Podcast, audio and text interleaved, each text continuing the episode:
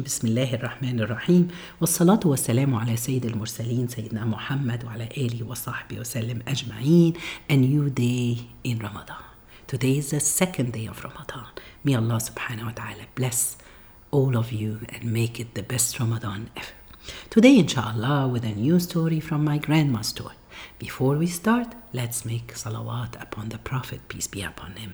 Allahumma salli wa sallim wa barik ala Sayyidina Muhammad. Long time ago, my grandma told me a story. It was it happens before the time of Prophet Sulaiman. She told me that the time before Prophet Sulaiman, people liked to a lot the magic and the, uh, they wanted to make magic and they usually when allah subhanahu wa ta'ala revealed any of this or allah subhanahu wa ta'ala was sending messages or planning something will happen for the future for someone and he's sending the prof, uh, the angel jibril with it so the devils or the shayateen they used to listen to this in heaven when the angel other angel asked prof, uh, jibril and he's telling him. So they used to sit, stand and listening to those things. And they come back to earth telling people, or those people who believe in magic, and they, uh, they think that they talk to the sorcerer and they do some magic. This happens before, and it was very famous magic and the black magic and all these things before Prophet Sulaiman became a prophet this it used to be all the time but allah subhanahu wa ta'ala stopped this when the quran was revealed on the prophet he stopped them allah subhanahu wa ta'ala in the quran he told us that and we used to sit there in heaven in places to steal a hearing but now whoever does so will find burning shooting star to him a flaming fire in wait for him. So they stopped. This is the verse in the Quran. Allah subhanahu wa ta'ala told us about it. So before Prophet Muhammad, they used to listen uh, to uh, whatever Allah subhanahu wa ta'ala planned for the future. When Allah subhanahu wa ta'ala chose Prophet Sulaiman to be a prophet, and he gave him the, the kingdom, and he was blessed with the kingship and the prophethood. So Allah subhanahu wa ta'ala gave it to him.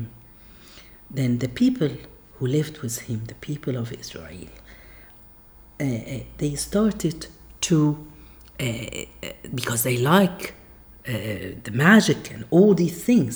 So when Prophet Mustafa, Allah subhanahu wa ta'ala gave Prophet Sulaiman to understand the words and the language of animals and he gave him the ability of all these power that he gave him, people, his people, they started to say that he's a magician or he's a sorcerer. He like to talk with uh, jinn and all these things. Then Allah subhanahu wa ta'ala in the Quran, in Surah Al Baqarah, and this is the story that we will talk about it today, it's verse 102. Allah subhanahu wa ta'ala, He's telling us in the Quran, no, Sulaiman, he wasn't Allah said, and they followed what the devils recited untruly of magic in Sulaiman's lifetime. Sulaiman didn't disbelieve, but the devil did. Subhanallah, teaching people magic and what was sent down. Subhanallah. Here Allah subhanahu wa ta'ala, He's saying that Prophet Sulaiman, he wasn't using magic. But the companion of the Prophet, peace be upon him, Ibn Abbas, he told us that Sayyidina Sulaiman, he had a, a, a, man who works for him. He was his writer. He writes all the knowledge of Sulaiman. He put them down and he put them in papers. Then Prophet Sulaiman collected all the knowledge that his friend Asif, that's his name, he wrote them and he left them, he hid them under the throne of Sulaiman and he asked the sorcerer or the magicians, no one can come close or he will be burned.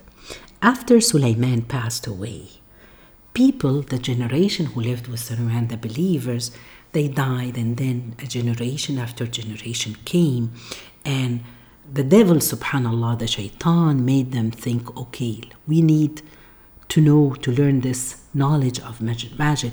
Let's go and get it from the box under the throne of Suleiman. And they got it out, and then they started to think and talk that Suleiman was a magician. Subhanallah, Allah subhanahu wa ta'ala in the Quran, in this verse 102, He said that uh, Sulaiman didn't disbelieve, but the devil did. Subhanallah. So He explained. What did they do? They teach people magic and what was sent down. Then Allah continued the story that we are talking about today about the uh, uh, in Babel, the Babylon, to the Allah subhanahu wa ta'ala is saying, um, teaching people magic and what was sent down at Babylon to the two angels, Harut and Marut. But they didn't teach anyone such magic until they had said, We are only for a trial, so do not disbelieve. And people learned from both angels what separated a man from his wife. In fact, they couldn't harm anyone except with Allah's permission. Subhanallah, what is the story of Harut and Marut? Some people they think, or the scholars they say, some scholars they say they were two angels, but most of the scholars they said no, they were two men who lived in Babylon, in Iraq. So, the uh, uh, Allah Subhanahu wa Taala here when He's talking about uh, teaching the people in marriage, He said uh, was sent down at Babylon to the two angels and stop. So and then Harut and Marut, but they were so they are human being. What they do, they have this learn of magic, but they didn't teach people. Or when they tell them, they tell them that we are a trial, we're a test. And this is it. you're gonna be a disbeliever if you follow this or you do the magic.